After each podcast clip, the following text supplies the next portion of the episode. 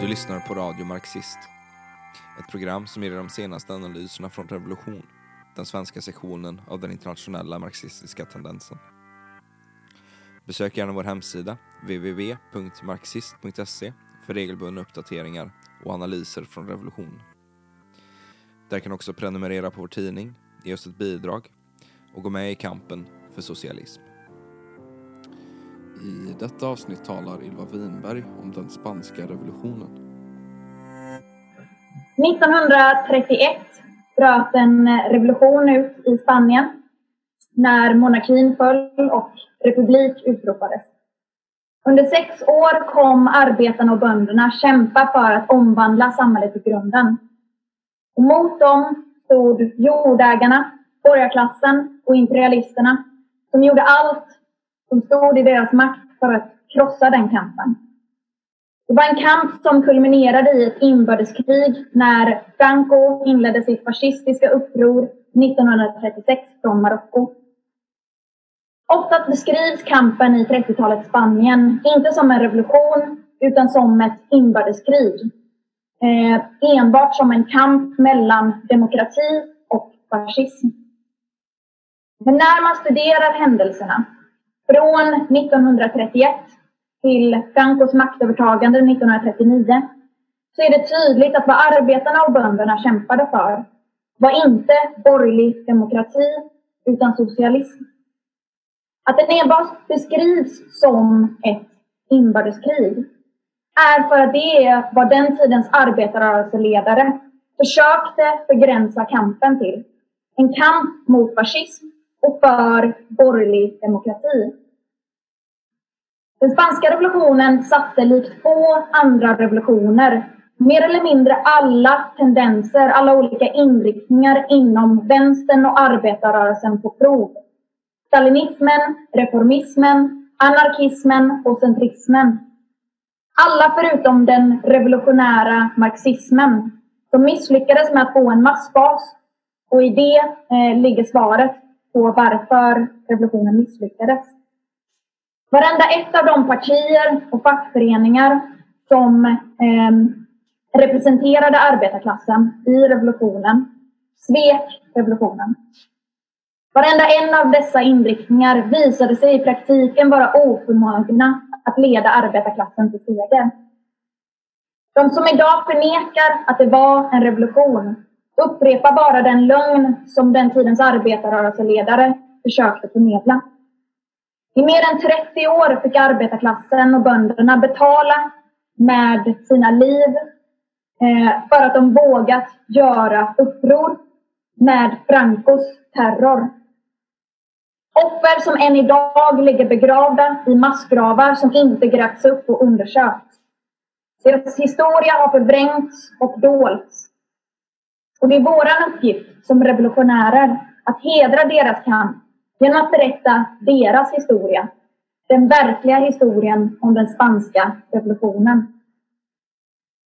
Spanien var i början av 1900-talet ett av Europas mindre utvecklade kapitalistiska länder.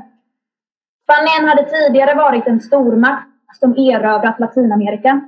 Men där kolonialismen gav en impuls till en snabb utveckling av den brittiska kapitalismen tjänade den spanska kolonialismen till att dölja den långsamma utvecklingen av den spanska kapitalismen.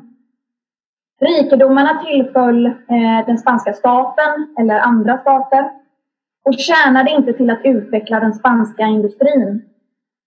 Kyrkan och monarkins makt höll tillbaka utvecklingen i Spanien.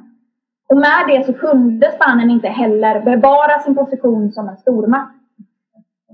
Under 1800-talet så förlorar Spanien alla sina kolonier och en period av stor instabilitet inleds.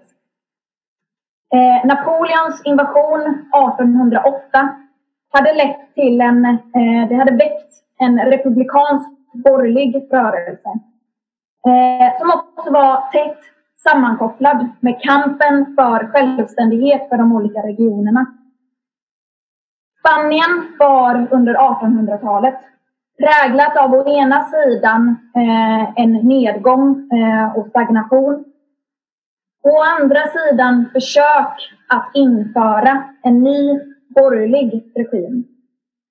Men borgarklassen lyckades aldrig, så som den franska och engelska borgarklassen gjort, att genomföra en borgerlig revolution som störtade den gamla feodala ordningen.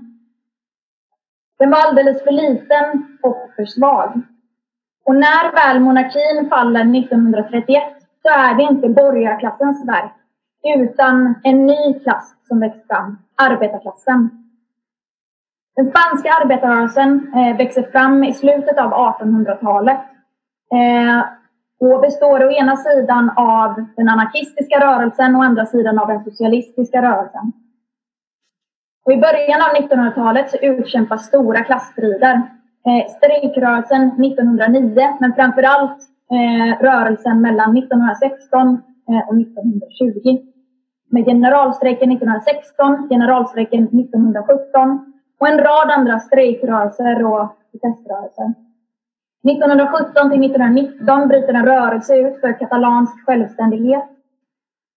Från och med arbetarklassens intåg på scenen så sammanfaller alla större strider med uppgången i klasskampen. Kampen för republik, mot kyrkans makt, för regional självständighet, bonderevolter. Allt får ett uppsving under varje revolutionär period när arbetarklassen reser sig och faller tillbaka och förtrycks varje gång som arbetarklassen har krossats. Med det internationella uppsvinget för kapitalismen i slutet av 1800-talet fram till första världskriget stärks den spanska kapitalismen och med det arbetarklassen. Under första världskriget så råder en relativ stabilitet då Spaniens neutralitet gör att de kan exportera till alla de krigsförande länderna, framförallt jordbruksprodukter. Men slutet av första världskriget och en allt mer instabil kapitalistisk omvärld gör att Spanien trängs undan från marknaderna av de starkare kapitalistiska länderna. Regimen tappar allt mer stöd. 1912 hade kung Alfonso beslutat att invadera Marocko. Eh, men stora revolter mot det spanska styret hade gjort att eh, Spanien åkt på bakslag efter bakslag. Först med franska truppers hjälp kunde eh, marockanerna besegras 1925. Hotet från arbetarnas kamp och den allt större instabiliteten gör att de katalanska industrikapitalisterna backar Primo de Riveras statskupp för att med kungens hjälp inrätta en blodig militärdiktatur 1923. Och Rivera balanserar slut mellan olika delar i samhället. Hans repression riktades främst mot anarkisterna och kommunisterna medan socialistpartiet åtnjöt legalitet. Ledaren för det fackliga socialistiska centralorganet UGT, Largo Caballero, blev till och med kommunalråd under diktaturen. Med repressionen mot arbetarklassen höjdes vinsterna inom industrin och högkonjunktur rådde för den spanska kapitalismen. Men det här gynnade inte massorna. Inte bara arbetarklassens levnadsstandard försämrades, utan även böndernas.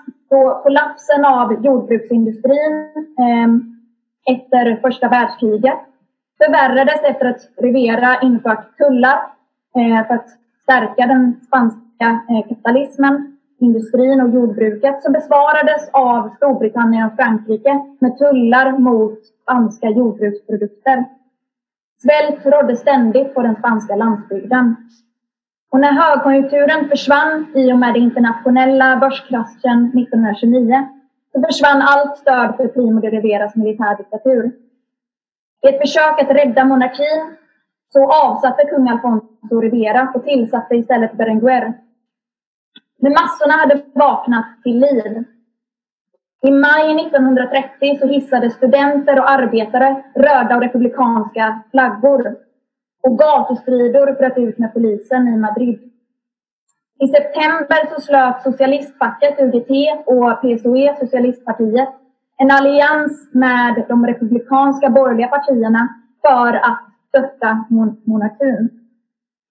Revolutionära generalstrejker bröt ut i Sevilla, eh, Madrid, Bilbao, Barcelona, Valencia med flera. I ett sista försök att rädda monarkin så försökte Berenguer organisera val till Cortes, alltså det spanska parlamentet, enligt den gamla modellen som gav kungen all makt över den. Eh, men socialisterna och republikanerna utropade bojkott och Berenguers manöver misslyckades. Kommunalvalen gav ett överväldigande stöd till republikanerna och socialisterna. Under hotet av en nationell generalstrejk och det öppna beväpnandet av arbetarklassen beslöt nu borgarklassen att det inte längre var värt att rädda kungen.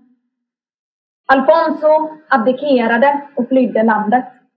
Republik var infört under hotet av ett arbetaruppror. Chansen för borgarklassen att slutföra den borgerliga demokratiska revolutionens uppgifter hade nu kommit.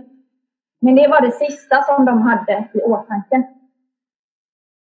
Uppgifterna för en borgerlig revolution är avskaffandet av jordägarnas makt genom att bönderna tar över jorden, separerandet av kyrkan och staten och en skarp begränsning av kyrkans makt, in, avskaffandet av monarkin och införandet av borgerlig parlamentarism, avskaffandet av alla tullar inom nationsgränsen och etablerandet av en nationalstat som skulle skydda och stärka den egna eh, kapitalistiska industrin. Det var så det spanska socialistpartiet såg på vad uppgifterna var i Spanien 1931.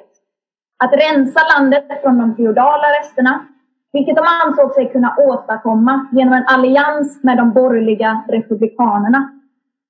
Problemet var att den spanska borgarklassen inte längre var intresserade av en revolution. För de var alltför sammanbundna med jordägarna, kyrkan och monarkin. Framförallt så hade dessa band cementerats från slutet av 1800-talet fram till monarkins fall. När kung Alfonso invaderade Marocko så gav han den spanska borgarklassen ökade ekonomiska möjligheter och fick på så sätt ett stort stöd från borgarklassen. Beslutet att hålla sig neutrala under första världskriget gjorde att borgarklassen återigen fick stora fördelar som stärkte stödet än mer. Kungen och borgarklassen hade gemensamt fört Primo de Rivera till makten för att krossa arbetarklassen. Och framförallt, det fanns inga strikta gränser mellan jordägarna, kapitalisterna, kyrkan, monarkin. När jord, eh, kyrkans jord konfiskerades under 1800-talet så kunde de tack vare stora kompensationer eh, investera massivt i industrin eh, och banksektorn. Eh, de startade eh, en stor mängd fabriker och banker och var på så sätt både en faktor som gynnades av den framväxande kapitalismen men samtidigt en faktor som bromsade den. Kyrkans makt var enorm. Jesuitorden ägde en tredjedel av landets rikedomar. Kyrkan kontrollerade all utbildning och arbetade aktivt för att hålla folket i okunskap.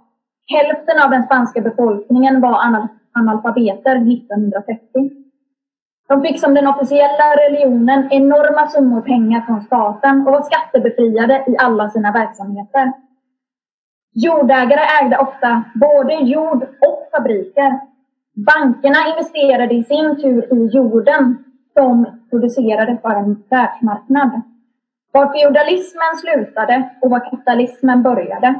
Var den feodala staten och den feodala härskande klassen slutade och var den borgerliga staten och den borgerliga härskande klassen började var det ingen som kunde besvara.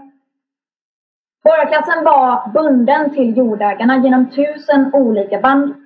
Äktenskapsband, vänskapsband och framförallt genom att ofta vara en och densamma. Monarkin hade visat sig gång på gång vara mycket användbar för att krossa arbetarklassens kamp. Endast när monarkins fortsatta existens hotade att leda till ett arbetaruppror bestämde sig borgarklassen att monarkin inte längre var värd att rädda. Det huvudsakliga skälet till att borgarklassen inte längre kan genomföra den borgerliga revolutionen under den moderna kapitalismens era är existensen av en organiserad arbetarklass. Under 1900-talet så stod borgarklassen inför en organiserad och kämpande arbetarklass som redan börjat hota kapitalisternas intressen. Varje revolution, om än den började som en kamp för republik, demokrati, nationellt självbestämmande eller någon annan borgerlig demokratisk uppgift, väckte också en kamp från arbetarklassen som gick emot borgarklassens intressen. Och att väcka en revolution eh, skulle innebära en risk att arbetarklassen gick längre än de borgerliga uppgifterna. Att de skulle gå ut över kapitalismens ramar. Särskilt efter den ryska revolutionen 1917 som började som en borgerlig revolution men slutade med att arbetarklassen tog makten i oktober 1917 visade för borgarklassen i varje land att revolution bör undvikas till varje pris och bryter den ut bör den krossas till varje pris. Och det här var vad Trotskij förklarade i den permanenta revolutionens eh, teori. Där han förklarade att det fanns bara en klass som skulle kunna genomföra den borgerliga revolutionen. Eh, arbetarklassen i allians med bönderna. Men de skulle inte kunna stanna vid den borgerliga revolutionens uppgifter. Utan måste, om de inte ska bli krossade i en, eh, av en allians mellan jordägarna, kyrkan, borgarklassen, monarkin, gå vidare mot den socialistiska revolutionens uppgifter. De måste ta makten från jordägarna och borgarklassen och ersätta den halvfeodala staten, inte med en borgerlig stat utan med en arbetarstat. Arbetarklassen och bönderna kunde bara lösa sina egna uppgifter och landets uppgifter genom att ta makten. Men i deras väg stod arbetarrörelsen.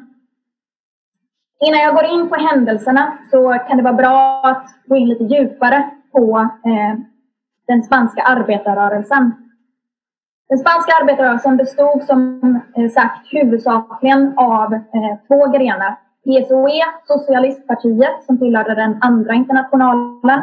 Ett reformistiskt parti med dess fackföreningar i UGT.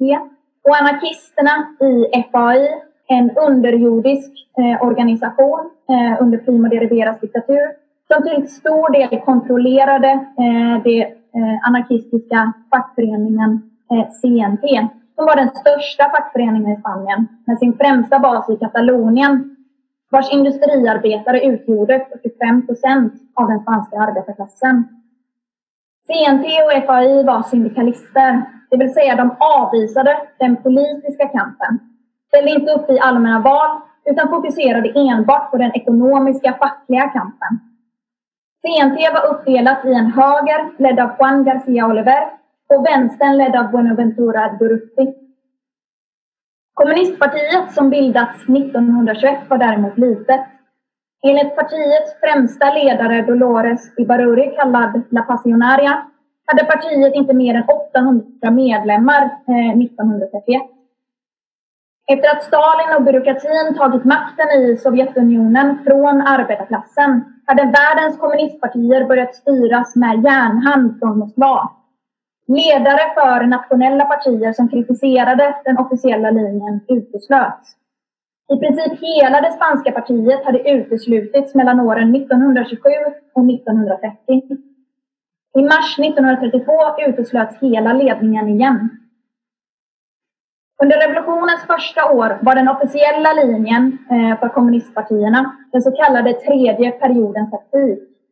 Enligt Moskvabyråkratin hade kapitalismen gått in i sin slutgiltiga kris. Där det främsta hindret för revolutionen var socialdemokratin, som de kallade för socialfascister. De ansåg det vara viktigare att eh, attackera eh, socialdemokratin och inte bara dess ledare utan även de arbetare som stöttade socialdemokratin. Eh, än att attackera borgarklassen och den verkliga fascismen. I Spanien var därför socialistpartiet det främsta hindret, men också CNT. De vägrade allt samarbete med CGT, eh, UGT, PSOE. De byggde egna, tomma, röd, eh, röda fackföreningar. Och därmed förblev de till en början ett litet parti som inte lyckades vinna över särskilt många arbetare från anarkisterna och socialisterna. Det fanns en grupp som hade kunnat spela en annan roll. Som hade kunnat bygga ett verkligt revolutionärt parti. Det var vänsteroppositionens organisation i Spanien. Den kommunistiska vänstern. Som i början av 1930-talet hade ungefär tusen medlemmar. Vänsteroppositionen var den internationella organisation som Trotsky hade bildat efter Stalins maktövertagande för att kämpa mot byråkratiseringen av Sovjetunionen, byråkratiseringen av den kommunistiska internationalen och mot de antimarxistiska idéer som hade alltmer börjat ta över den kommunistiska internationalen. Vänsteroppositionens grupp i Spanien leddes av Andres Nin som hade grundat det spanska kommunistpartiet och uteslutits 1927 för att de stöttade vänsteroppositionen. Men Andres Nin och majoriteten av ledarna för den spanska vänsteroppositionsgruppen var aldrig med på Trotskijs analys av vad uppgifterna var i den spanska revolutionen. Eller rättare sagt, de vacklade ständigt. Nin eh, kom tillsammans med majoriteten av den spanska eh, delen av vänsteroppositionen att bryta med Trotskij 1935 för att istället slå sig fram samman med Maurins grupp Arbetar och bondeblocket. En annan utesluten grupp från det spanska kommunistpartiet som hade tillhört högern inom eh, den kommunistiska internationalen. Dessa bildade partiet POM som likt Maurins grupp aldrig försökte bygga utanför Katalonien som alltså hade tendenser till katalansk nationalism. POM var vad vi kallar för ett centristiskt parti som innebär att man vacklar mellan reformism och revolutionär marxism. Och som jag sa i början, alla dessa partier, alla dessa fackföreningar kom att spela en ödesdiger roll i den spanska revolutionens nederlag. Ni kommer få se hur. I juni 1931 hölls allmänna val. Socialistpartiet blev det största partiet med 116 platser i Cortes mot högerns eh, 50 platser. En koalitionsregering upprättades med representanter från Socialistpartiet och de olika republikanska borgerliga partierna som också fick de viktigaste platserna. Eh, de främsta ledarna för Socialistpartiet, Caballero och Prieto, satt som ministrar i denna första republikanska regering. Men precis som Trotskij förklarat så kunde en allians mellan reformistiska ledare för arbetarrörelsen eh, och representanter för borgarklassen inte lösa ett enda av Spaniens problem. Den mest akuta frågan var jordfrågan. Jordbruket utgjorde över hälften av de nationella intäkterna och nästan två tredjedelar av exporten. 70 procent av den spanska befolkningen bodde på, eh, levde på landsbygden. Och av dessa var tre fjärdedelar jordlösa bönder. En tredjedel av jorden ägdes av stora jordägare som i vissa fall kunde ha ägor som utgjorde 50 procent av en hel provins. En annan tredjedel ägdes av medelstora jordägare eh, som alltså hade medelstora eh, ägor. Endast en tredjedel ägdes av eh, bönder som oftast ägde små torra jordplättar på eh, fem hektar eller mindre och som brukade jorden med primitiva redskap. En stor del av de jordlösa bönderna eh, var, var lantarbetare som arbetade på jordägarnas och eh, de större böndernas ägor för att kunna överleva. Även många bönder var tvungna att arbeta på jordägarnas ägor för att kunna överleva. Tullarna som hade införts av Frankrike och England under 1920-talet hade 1931 lett till en situation där hela regioner stod inför en risk att helt utrotas på grund av svält. Men eftersom regeringen inte ville stöta sig med någon del av den härskande klassen genomförde man ett skämt till jordreform där ett statligt institut skulle köpa upp jordegendomar och hyra ut dessa till bönder. Enligt regeringens egen beräkning skulle denna metod ta 100 år innan jorden hade fördelats till bönderna. Men det fanns också frågor som inte bara var grundläggande uppgifter i den borgerliga revolutionen, men också viktiga ifall den nya eh, regeringen ville avväpna basen eh, för en monarkistisk och kyrklig kontrarevolution. Kyrkan hade alltid varit ett bålverk för reaktionen. Den hade alltid spelat en nyckelroll i att krossa revolutioner och därmed hade varje revolutionärt uppsving lett till brännandet av kyrkor och mördandet av präster. Men regeringen ville inte stöta sig med kyrkan.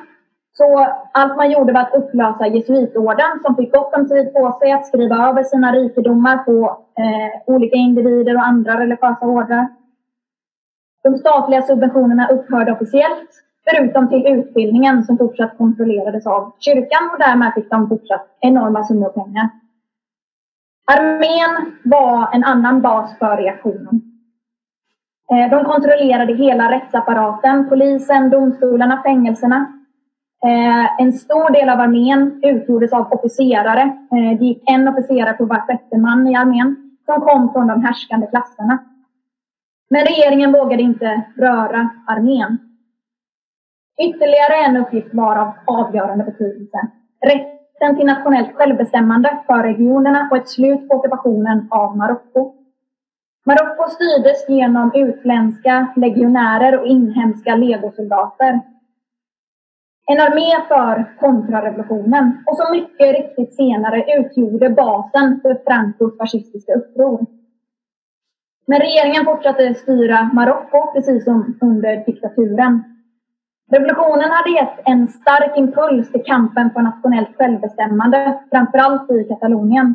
Dagen innan republiken utropades i Madrid så hade katalanerna tagit över regeringsbyggnaderna och utropat en katalansk självständig republik. Regeringen var dock inte intresserad av att ge självständighet till någon region.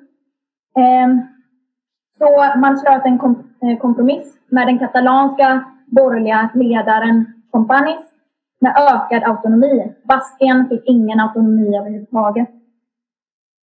Regeringen visade sig inte vara villig att röra en enda av den gamla regeringens institutioner eh, och makt.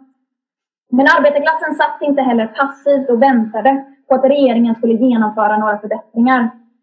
Kamp mellan kyrkan, armén och monarkister å ena sidan och arbetare å andra sidan bröt ut kort efter att den nya regeringen bildats. Regeringen svarade med att sätta in militärer som samarbetade med socialistpartiets milis med att slå ner protesterna. Caballero införde en rad lagar som begränsade strejkrätten och en rad andra repressiva lagar infördes för att slå mot fackföreningarna och arbetarklassen. Arbetarpressen var extremt censurerad. Bönderna började göra revolt och blev likaså mötta av hård repression från civilgardet. Strejkvågen eh, kulminerade i en generalstrejk i Sevilla hösten 1931. Året efter bröt en ny generalstrejk ut mot eh, general Santorpos eh, kuppförsök för att återförsöka, eh, återförsöka införa monarkin. Arbetarna satte stopp för kuppförsöket men möttes av hård repression från regeringstrupperna. Monarkisterna började nu använda regeringens våld mot regeringen för sina egna syften. De började alltmer klaga över repressionen mot arbetarna och bönderna, mot dess press och den stora mängden politiska fångar. Genom den här propagandan, genom missnöjet med bristen på förändringar och våldet från regeringen och som alltid hotet från de lokala prästerna i byarna att man måste rösta på eh, den monarkistiska högern eh, och rent valfusk så kunde den konservativa högern återta makten i valet 1963. Socialistpartiet minskade från 116 platser till 58 medan högerpartierna fick 207 platser. Eh, Robles eh, SEDA blev det största partiet i det nya Cortes med 117 platser. SEDA var ett halvfascistiskt katolskt högerparti som ville krossa arbetarklassen genom fascismen. Högerrepublikanen Leroy blev eh, premiärminister. Högersocialisten Prieto förklarade i en intervju vad han ansåg vara anledningen till valförlusten. Han sa Vi förlorade på grund av vänsterregimens högerpolitik. Denna regering föddes med republiken och skapades av republiken men blev en bastion för de krafter som var mot republiken. I denna period av krisande kapitalism kunde den spanska borgarklassen inte ens genomföra den borgerliga demokratiska revolutionen. Prieto själv drog dock aldrig slutsatsen att det var nödvändigt att bryta med borgarklassen. Och socialistpartiet i stort, även om de gick till vänster, kom aldrig att eh, bryta i praktiken med den här strategin att alliera sig med borgarklassen. Med den konservativa högerns återkomst eh, så inleddes en öppen offensiv mot arbetarklassen. Alla halvreformer som genomförts avskaffades. Alla lagar som socialisterna varit med och introducerat, som de hade hoppats på bara skulle rikta sig mot kommunisterna och eh, anarkisterna, riktades nu mot dem själva. Samtidigt passade kapitalisterna på att sänka lönerna, höja hyrorna och eh, vräka hyresgäster. Reaktionen kände sig stärkta. Phil Robles bestämde sig för att tiden nu var inne för ett fascistiskt eh, uppror. Han hade satt upp olika organisationer som kristna fackförbund i hoppet om att få en massbas. Men när han försökte organisera massmöten så blev de krossade av arbetarklassen. Socialistpartiet gick nu till vänster. Dels som en konsekvens av den här högeroffensiven men också eh, på grund av chocken av Hitlers maktövertagande i Tyskland och senare Dolphus i Österrike. Larbo Caballero, byggnadsarbetaren som blev generalsekreterare för UGT, han bröt nu med högern inom partiet och blev ledare för vänstern eh, som nu vann majoritet i PSOEs partistyrelse. PSOE bildade arbetarallianser som till och med kommunistpartiet till slut eh, var tvungna att gå med i och även senare CNT i kampen mot fascismen och högern.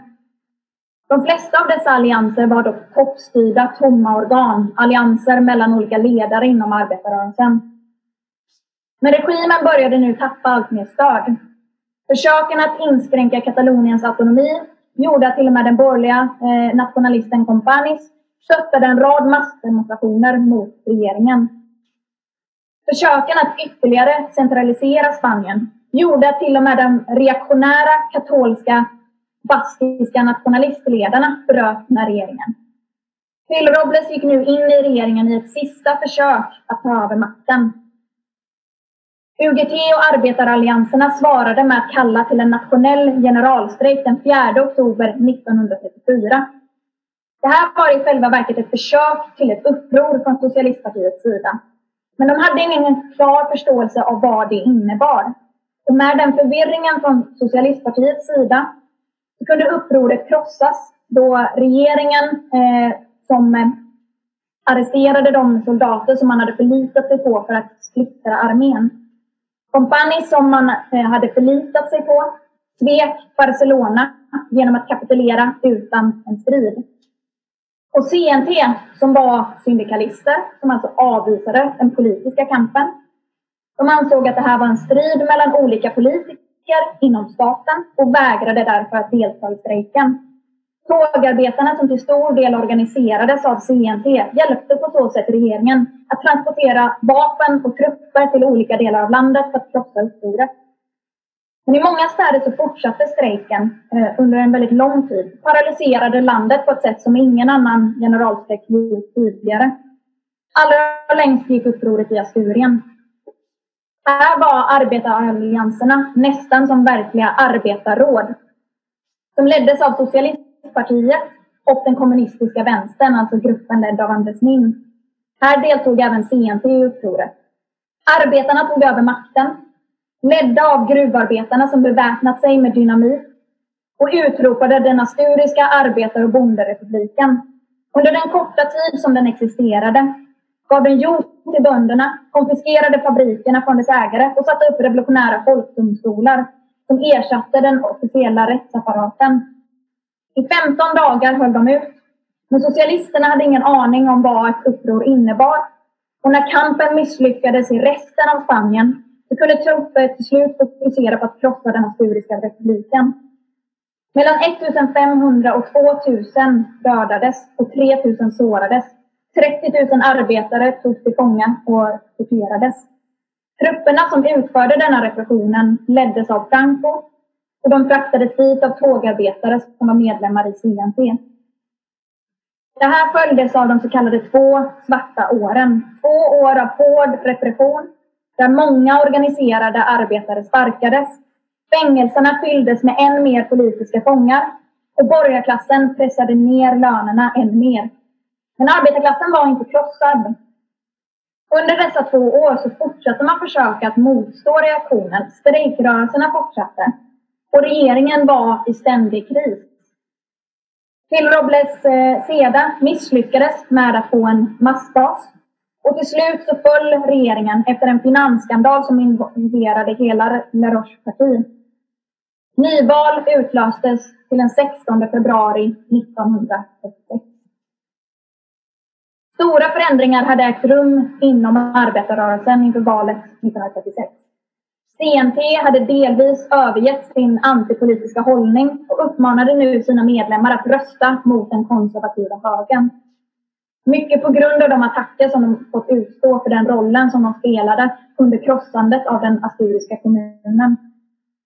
Socialistpartiet hade gått långt till vänster. Caballero förklarade sig nu vara för proletariatets diktatur, alltså arbetarklassens demokrati under socialism. Eller vägen till socialism. Allra längst gick processen inom det socialistiska ungdomsförbundet som hade 100 000 medlemmar.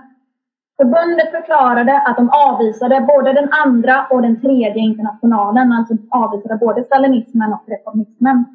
De uppmanade till bildandet av en ny international.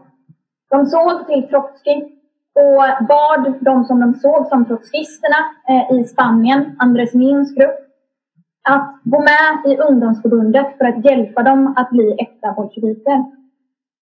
Men Andres Mins grupp eh, vägrade med förklaringen att det socialistiska ungdomsförbundet eh, och socialistpartiet var reformistiska organisationer. Hade de gått med så hade de kunnat få en massbas.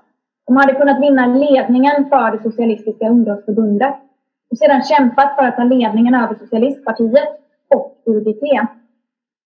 På så sätt, om de nu hade varit verkliga marxister, så hade ett marxistiskt revolutionärt massparti kunnat bildas. Som hade kunnat leda arbetarklassen till seger under de revolutionära strider som bröt ut 1936. Men eftersom de vägrade kunde stalinisterna istället ta över ungdomsförbundet och på så sätt fick stalinisterna en massbas. Trotskij bröt med Andresmin som istället då gick samman med Maurins grupp och bildade POM.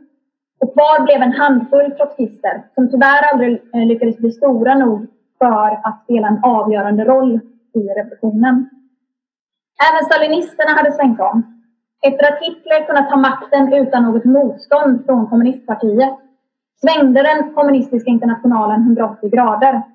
Från att allt samarbete med andra delar av arbetarrörelsen var otillåtligt. Var nu taktiken i alla länder. Bilda allianser, inte bara med socialdemokratin utan även med den så kallade progressiva borgarklassen. För att hindra ett nytt världskrig och kämpa mot fascismen. Denna så kallade folkfrontspolitiken antogs formellt på den kommunistiska internationalens kongress 1935. Den här taktiken var inte ett resultat av några misstag eller bara några eh, felaktiga idéer utan var ett kallt beräknande från Stalin och byråkratins sida. De hade under en lång tid försökt åstadkomma en militär allians med Frankrike och England för att skydda Sovjetunionen. De hade på pappret en allians med folkfrontsregeringen i Frankrike.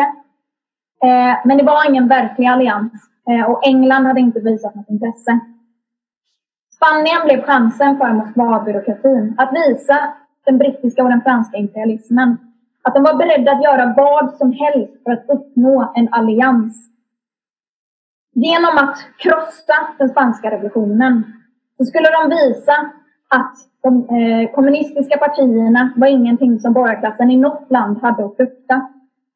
Genom att omvandla den enbart till en kamp för borgerlig demokrati hoppades de kunna vinna imperialisternas förtroende.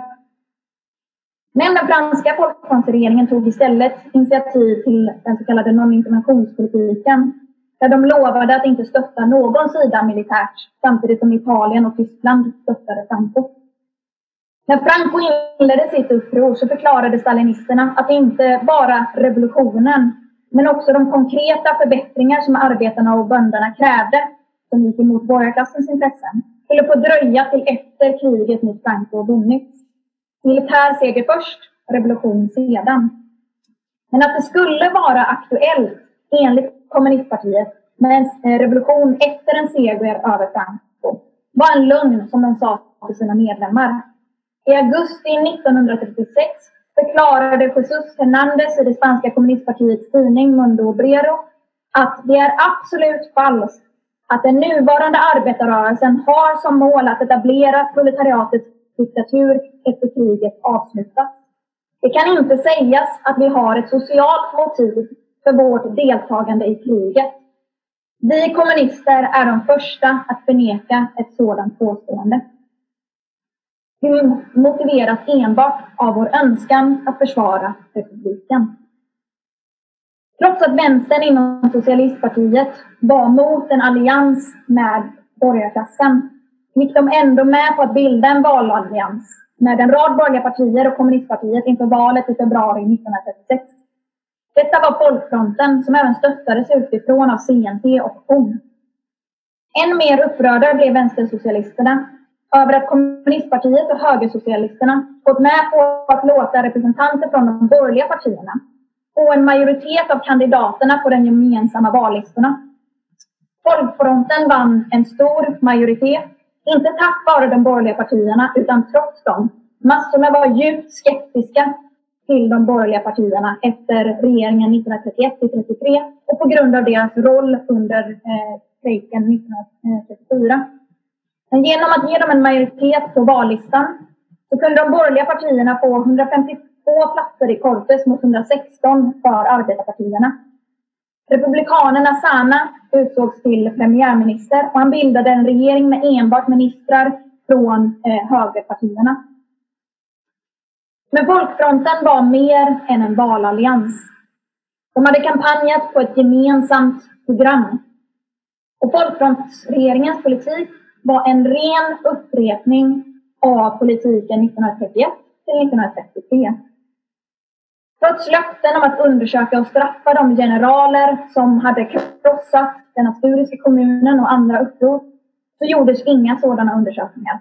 Det enda som gjordes åt reaktionära generaler var att man förflyttade dem, som Franco som förflyttades till Kanarieöarna där han kunde enkelt komma i kontakt med främlingslegionerna på Marocko. Men nu än mer än 1931 väntade inte massorna på att folkfronten skulle agera utan tog saken i egna händer. Massorna tågade till fängelserna och befriade de politiska fångarna. På arbetsplatserna återanställde man ar eh, arbetarna de arbetare som avskedats under de två svarta åren. Arbetsgivarna hade inget annat val än att acceptera. Socialisterna och stalinisterna upprepade gång på gång att massorna borde lämna allt till regeringen, men massorna lyssnade inte. Kyrkor brändes ned runt om i landet och präster beordrades att lämna byarna där de fick förklarat för sig att de skulle avrättas om de någon gång vågade återvända. Strider mellan fascister och arbetare intensifierades, där civilgardet hjälpte fascisterna att terrorisera arbetare och bönder. Strejker bröt ut i hela landet, ledda av CNT med en generalstrejk den 17 april i Madrid. Socialistpartiet fortsatte att gå till vänster. Partiet i Madrid, den starkaste basen för partiet, hade antagit ett nytt program i april som de föreslog skulle antas på den nationella kongressen i juni, som dock högersocialisten Peto lyckades skjuta upp. Där man förklarade att borgarklassen var oförmögen att genomföra revolutionens demokratiska uppgifter och att den proletära revolutionen stod på dagordningen. Men de förstod fortfarande inte vad en proletär revolution innebar. Framförallt inte vad en arbetarstat var och hur arbetarklassen behövde bilda arbetarråd för att kunna ta makten. Man förklarade att Spanien behövde inte arbetarråd utan partiet skulle spela den rollen som arbetarråd spelat i andra länder. Men de förklarade att först när hela arbetarrörelsen gått samman i ett och samma parti så skulle det vara aktuellt med ett maktövertagande. Så man var helt enkelt tvungen att vänta på att CNT skulle upphöra vara anarkister och stalinisterna skulle upphöra vara stalinister. Eh, och på så sätt så kunde de motivera sitt fortsatta stöd till regeringen. Strejkrörelsen segrade. Nästan en miljon strejkade den 10 juni, en miljon den 24 juni och över en miljon de sista dagarna i juni. Borgarklassen såg att folkfrontsregeringen inte kunde sätta stopp för revolutionen. Nu vände de sig slutligen enhälligt till fascismen. Morgonen den 17 juli sände Franco ut sitt manifest över radion till alla garnisoner i eh, Marocko som han hade tagit kontroll över. Där han uppmanade armén att ena sig med honom i ett fascistiskt uppror. Regeringen dolde sanningen. Dagarna innan upproret så hade arbetarpressen försökt varna för ett fascistiskt uppror. Men eh, regeringen censurerade arbetarpressen eh, och eh, tidningarna kom ut med blanka sidor. Regeringen hade fått Francos meddelande tidigt på morgonen men väntade tills först på kvällen med att erkänna eh, att ett uppror hade inletts. Och då manade han bara till lugn och sa att läget var under kontroll. Arbetarna krävde vapen, men regeringen vägrade. Asana försökte desperat komma i kontakt med ledarna för det fascistiska upproret för att få till stånd en överenskommelse. Men Franco ville inte gå med på någon kompromiss utan krävde att regeringen skulle lämna över makten till dem. Även efter det här gjorde regeringen ingenting för att organisera motståndet. Inom en vecka lyckades fascisterna ockupera en tredjedel av Spanien. Arbetarledarna manade återigen arbetarna att lita på att folkfrontsregeringen skulle agera. Men återigen ignorerade massorna regeringen och arbetarledarna. I Barcelona beväpnade sig arbetarna med köksknivar, bordsben och jaktgevär och tog kontrollen över militärkasernen. Arbetarna tog över fabrikerna och valde kommittéer för att styra dem. De tog kontrollen över transporten, livsmedelsförråden, alltihop. Över hela Katalonien låg makten i händerna på arbetarklassen. Den enda väpnade makten var arbetarmiliserna ledda av POM och CNT. Den enda identitetshandling som gick att använda var medlemskort i fackföreningarna. Allt som hade behövts var att arrestera den sittande katalanska regeringen ledda av Companys, sammanlänka arbetarkommittéerna för att välja ett arbetarråd, bjuda in representanter från milisen, småbutiksägare, hemmafruar, bönder och andra förtryckta skikt, utropa en arbetarregering och uppmana resten av Spanien att följa deras exempel. Men anarkisterna förklarade att de var emot alla regeringar och lät därför makten ligga kvar i händerna på Kompani. Anarkismens svaghet visade sig nu fullt ut. Anarkister är motståndare till alla stater och oförmögna att skilja mellan en arbetarstat och en borgerlig stat. Men att vägra att ersätta en borgerlig stat med en arbetarstat innebär just bara att man lämnar kvar makten i händerna på borgarklassen. Och hon vågade inte agera utan CNC. En situation av vad vi kallar för dubbelmakt rådde. Den verkliga makten låg i händerna på arbetarna. Men de hade inte gjort sig av med den borgerliga regeringen. Och fabrikerna och bankerna ägdes fortfarande av kapitalisterna, även om de styrdes av arbetarna. Stad efter stad följde Barcelonas exempel. I Madrid upprättade arbetarna barrikader och socialistpartiet delade ut de vapen som de hade kvar från tidigare lagar. Efter nyheterna kom från Barcelona stormade även arbetarna i Madrid arméns baracker. Den 20 juli så anlände gruvarbetarna från Asturien som tog på sig att patrullera gatorna. I Valencia beväpnade sig arbetarna med gatstenar och köksknivar och satte upp barrikader och med hjälp av soldater som sköt sina officerare så besegrade de fascisterna. I Malaga mötte arbetarna fascisterna med en mur av brinnande hus och barrikader som de satt eld på. Majoriteten av armén hade gått över på Francos sida. De som försvarade republiken bestod nu helt av arbetarmiliser som bildats runt om i landet. Matroserna sköt sina officerare och tog kontrollen över den republikanska flottan och etablerade kontakt med arbetarkommittéerna på land. Även i Madrid, Valencia, Alicante, Almeria, Malaga bildades arbetarkommittéer som tog över fabrikerna, om än inte i lika stor utsträckning som i Katalonien. På landsbygden tog nu bönderna över jorden i en större omfattning än någonsin tidigare och bildade bondekommittéer som upprättade förbindelser med arbetarkommittéerna i städerna. De flesta kommunstyrelser ersattes med de antifascistiska kommittéerna som styrde städerna. De borgerliga partierna var representerade i dem, men de dominerades av arbetarpartierna. Starkast var centralkommittén i Katalonien, eh, centralkommittén för de antifascistiska miliserna. Från Katalonien så erövrade de Aragonien från fascisterna. Ledda av Durruti så tågade de in i Aragonien som en eh, befrielsearmé. Där jorden delades ut till bönderna, reaktionärerna dömdes i folkdomstolar. Alla egendomar konfiskerades och lämnades i händerna på bykommittéerna med valda representanter. Antifascistiska miliser sattes upp. I praktiken så övergav Durruti anarkismen här. På så sätt var varje by eh, som Durruti lämnade bakom sig ett antifascistiskt och revolutionärt fäste. Och Durruti ville fortsätta sitt revolutionära befrielsekrig. Men han kallades av regeringen till Madrid där han dog under mystiska omständigheter. Stalinisterna stod handfallna inför denna revolutionära offensiv. Det här var inte det sättet som de ville bekämpa fascismen på. Enligt stalinisterna så var fascism en feodal reaktion och kunde därför bekämpas genom en allians med borgarklassen. Men fascism är inte feodalt utan borgerligt. Det är borgarklassens sista utväg under en djup kapitalistisk kris. När borgarklassen inte längre har råd med någon kamp från arbetarklassens sida. Då vänder de sig till fascismen för att krossa arbetarrörelsen i blod. Fascismen skiljer sig från en vanlig militärdiktatur genom att den så grundligt förintar arbetarrörelsen. Det är en våldsrörelse som om arbetarklassen lyckas få en mass, eh, om arbetarklassen misslyckas med att visa en väg ut Eh, så kan fascismen få en massbas hos småborgerligheten som används för att krossa arbetarklassen.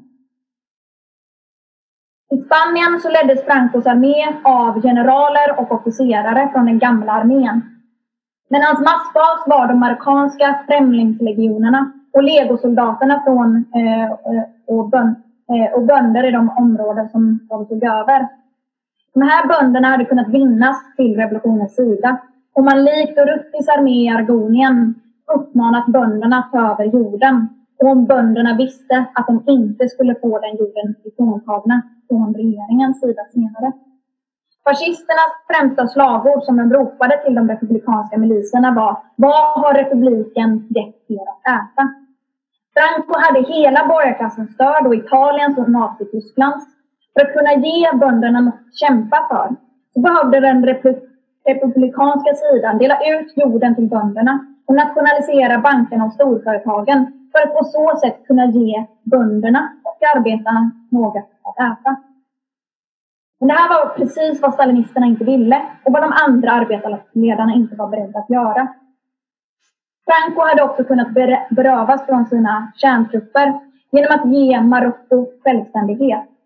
Nationalistledaren Abdelkrim hade tagit kontakt med folkfrontsregeringen och erbjudit dem att inleda ett uppror mot Francos styre i Marocko i utbyte mot självständighet. Men det avvisades. Den spanska borgarklassen hade slutit upp bakom Franco direkt när han gjorde uppror. Enda anledningen till att den baskiska borgarklassen inte omedelbart slöt upp bakom Franco var att de traditionellt var mer beroende av förbindelser med den brittiska borgarklassen men när Francos trupper närmade sig Baskien fängslade de arbetarledarna och lämnade över stad efter stad helt intakt till Franco. Bilbao släppte de in fascisterna. Det här kan jämföras med Asturien, där arbetarna och bönderna när de väl tvingades ge upp en by eller en stad brände ner allting så att fascisterna inte skulle få någonting kvar. Eller staden Irun, eh, som beskrevs så här av Pierre Fantasen. De stred tills de använt upp sin sista patron, männen i rum. När de inte hade någon ammunition kvar kastade de dynamit. När dynamiten var slut rusade de fram tomhänta och tacklade varje man. Medan den 60 gånger starkare fienden slaktade dem med bajonetter. En flicka lyckades stoppa två militärfordon i en halvtimme genom att kasta glycerinbomber på dem. Därefter stormade marockanerna barrikaderna där flickan som var den enda överlevande eh, kvar slets i stycken. Männen på Fort Martial lyckades stoppa 300 legionärer en halv dag genom att rulla ner stenar från kullen som fortet stod på. Irun föll för att regeringen vägrade skicka ammunition dit. Centralkommittén för de antifascistiska miliserna i Katalonien hade skickat ammunition, men de skickades dit via Frankrike som höll kvar ammunitionen tills ammunition, eh, till Irun fallit. Stalinisterna påstod sig vara allierade med den progressiva borgarklassen. Men de republikanska politiker som inte öppet gått över till fascismen var inte några verkliga representanter för borgarklassen. Som Trotskij sa, de var allierade inte med borgarklassen utan med borgarklassens skugga. Eh, Asana och de andra republikanerna, de var politiker, advokater och liknande vars karriär de kunde tacka en borgerlig demokrati för. Därför gick de inte öppet över på Francos sida. Men inifrån regeringen sökte de gång på gång sluta en kompromiss med Franco och saboterade kriget, inte bara genom att aktivt kväsa revolutionen utan också genom direkt militära sabotage. Republikanernas främsta mål var aldrig att vinna över Franco. De var mer rädda för arbetarklassen än vad de var för Franco. Och likaså var Stalin. Det var inte bara för att uppnå en allians med Frankrike och England som han ville krossa den spanska revolutionen. Han fruktade också att om den spanska revolutionen skulle segra så skulle det inspirera arbetarna i Sovjetunionen att resa sig mot byråkratin. För att inte riskera att arbetarna i Sovjet skulle ledas av någon av de gamla bolsjevikerna så iscensatte Stalin de så kallade eh, Moskvarättegångarna där han torterade fram falska erkännanden från eh, revolution, den ryska revolutionen eh, och avrättade dem en efter en. Men för att kunna kväsa revolutionen i Spanien så behövde stalinisterna ta kommandot över regeringen. Och för att kunna göra det så behövde de de andra arbetarledarnas hjälp. Stalinisterna gick in i regeringen och Largo Caballero utsattes för en enorm press och till slut gick han med på att bli premiärminister. Men det var inte bara i den nationella regeringen som arbetarledarna satte sig i en koalitionsregering med högern. CNT, som tidigare vägrat att ta makten under arbetarupproret 1936 då de var emot alla regeringar, satte sig några månader senare i en koalitionsregering i Katalonien med stalinisterna och Companis nationalistparti, alltså ett borgerligt parti. Och även POM satte sig i den regeringen. Andres Min blev justitieminister. POM, som kallade sig marxister, satt nu alltså i en regering med representanter för borgarklassen. Men POM var som sagt aldrig några verkliga marxister. I grunden hade de samma perspektiv som stalinisterna påstod sig ha. Först militär strid, sedan revolution. De förklarade flera gånger behovet av arbetarråd men tog aldrig upp striden för att faktiskt länka samman arbetarråden. Eh, istället eh, uppmanar de, eh, de eh, Companis, eh, en borgare, att sammankalla en kongress för att bilda arbetarråd. Även om Caballero var premiärminister så var det stalinisterna som hade den verkliga kontrollen och de började nu steg för steg avväpna revolutionen inifrån. Sovjetunionen hade börjat skicka vapen och med det så kunde de utsätta regeringen och arbetarrörelsen för en utpressning. Gå med på våra krav eller så upphör vapenleveranserna. En hård censur inleddes nu mot framförallt CNT och POMs press eh, kombinerat med kampanjer i den stalinistiska pressen om att POM samarbetade med fascisterna. Arbetarkontrollen över fabrikerna avskaffades gradvis, bondekommittéer upplöstes Eh, jorden gavs tillbaka till gamla ägare. Den borgerliga armén och polisen byggdes upp på nytt. Och miliserna avväpnades steg för steg. Caballero, CNT och POM protesterade halvdant vid varje steg som togs, men bröt aldrig alliansen och accepterade i slutändan varje åtgärd. Samtidigt började den sovjetiska underrättelsetjänsten, GPU, att systematiskt avrätta revolutionära ledare, där de riktade sig in, in sig på CNT-option. För att slutgiltigt kunna krossa revolutionen så behövde stalinisterna erövra Katalonien från CNT-option. Hon hade slängts ut från regeringen i Katalonien men ville inget annat än att åter få bli en del av regeringen. Även om ledarna för FOA hade visat sig vara hopplösa hade POM växt till ett massparti från 1000 till 30 000 på sex veckor. Enligt vissa rapporter så växte det, ökade det sedan till 60 000 och dess medlemmar rörde sig mot revolutionära slutsatser. I Madrid hade partiet kommit ut för ett leninistiskt program för att omedelbart kämpa för ett maktövertagande. Den 15 april röstade partiet i Barcelona för att omedelbart organisera arbetarråd. Min och ledningen svarade med byråkratiska manövrar för att tysta oppositionen. Fraktioner förbjöds och kritiker uteslöts. Deras kritik mot stalinismens repression tycktes ihålig för andra. Trotskisterna som hade försökt arbeta inom POM hade tidigare blivit uteslutna. Inom den anarkistiska rörelsen rörde sig folk också till vänster. Organisationen Doruttis vänner bildades som organiserade sig för att ta över ledningen för CNT. De kom ut mot samarbete med både högern och reformisterna.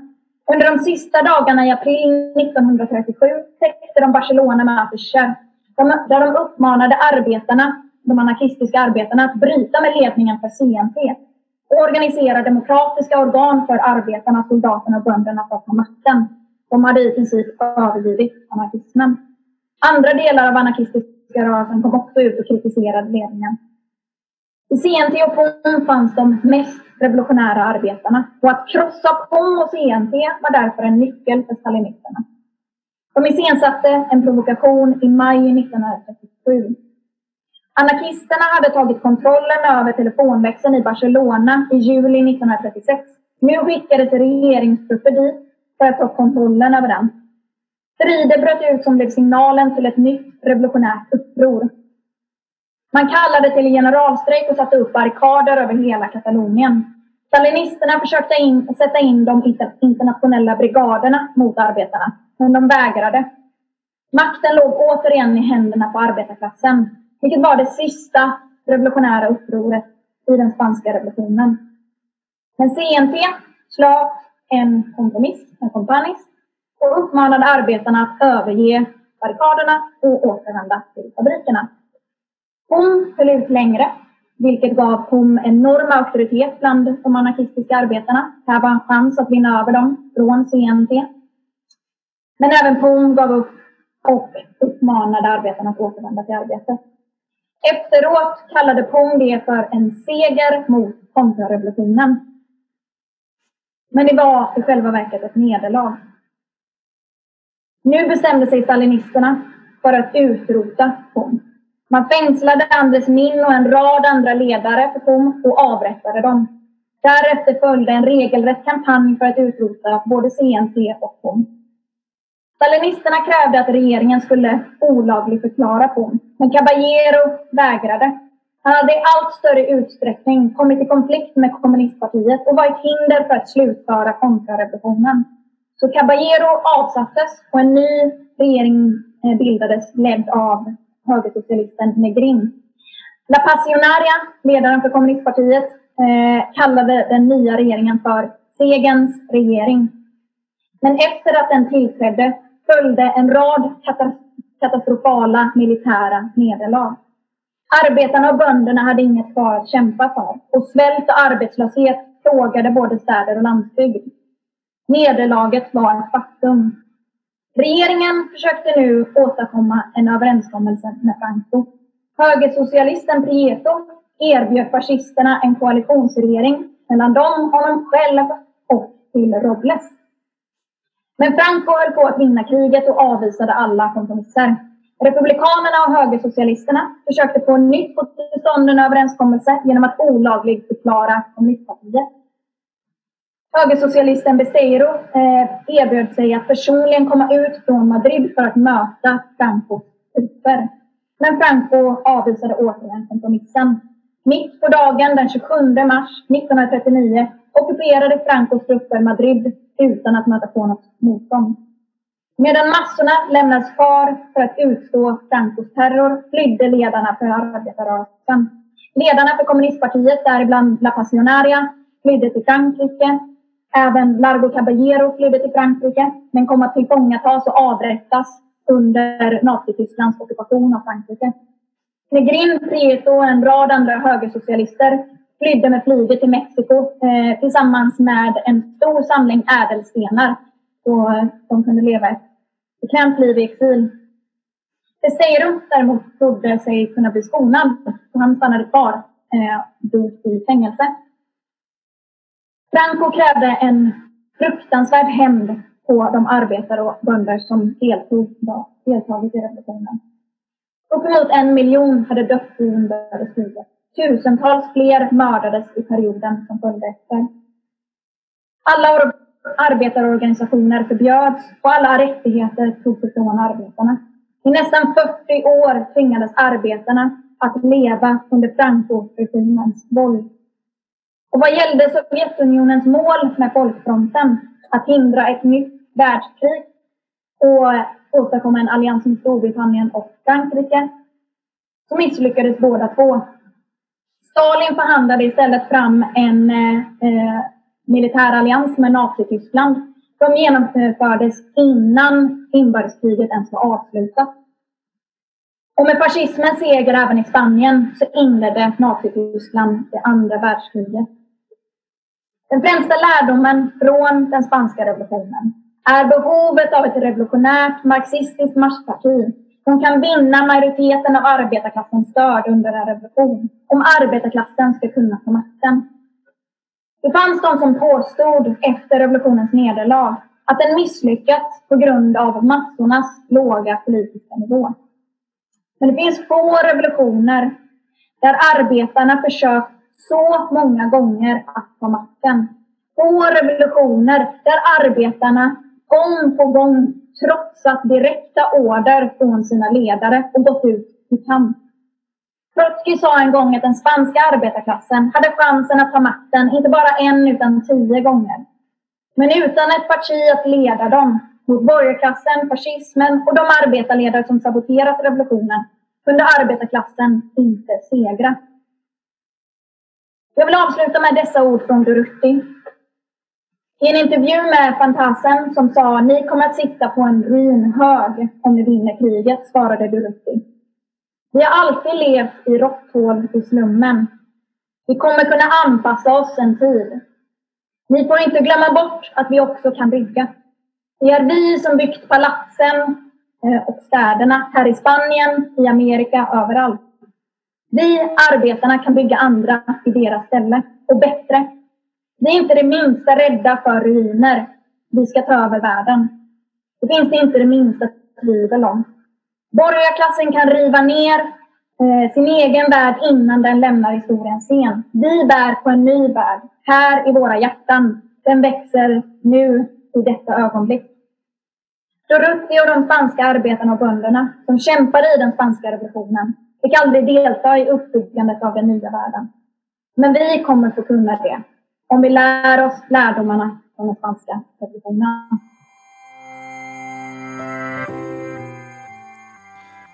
Tack för att du har lyssnat på Radio Marxist.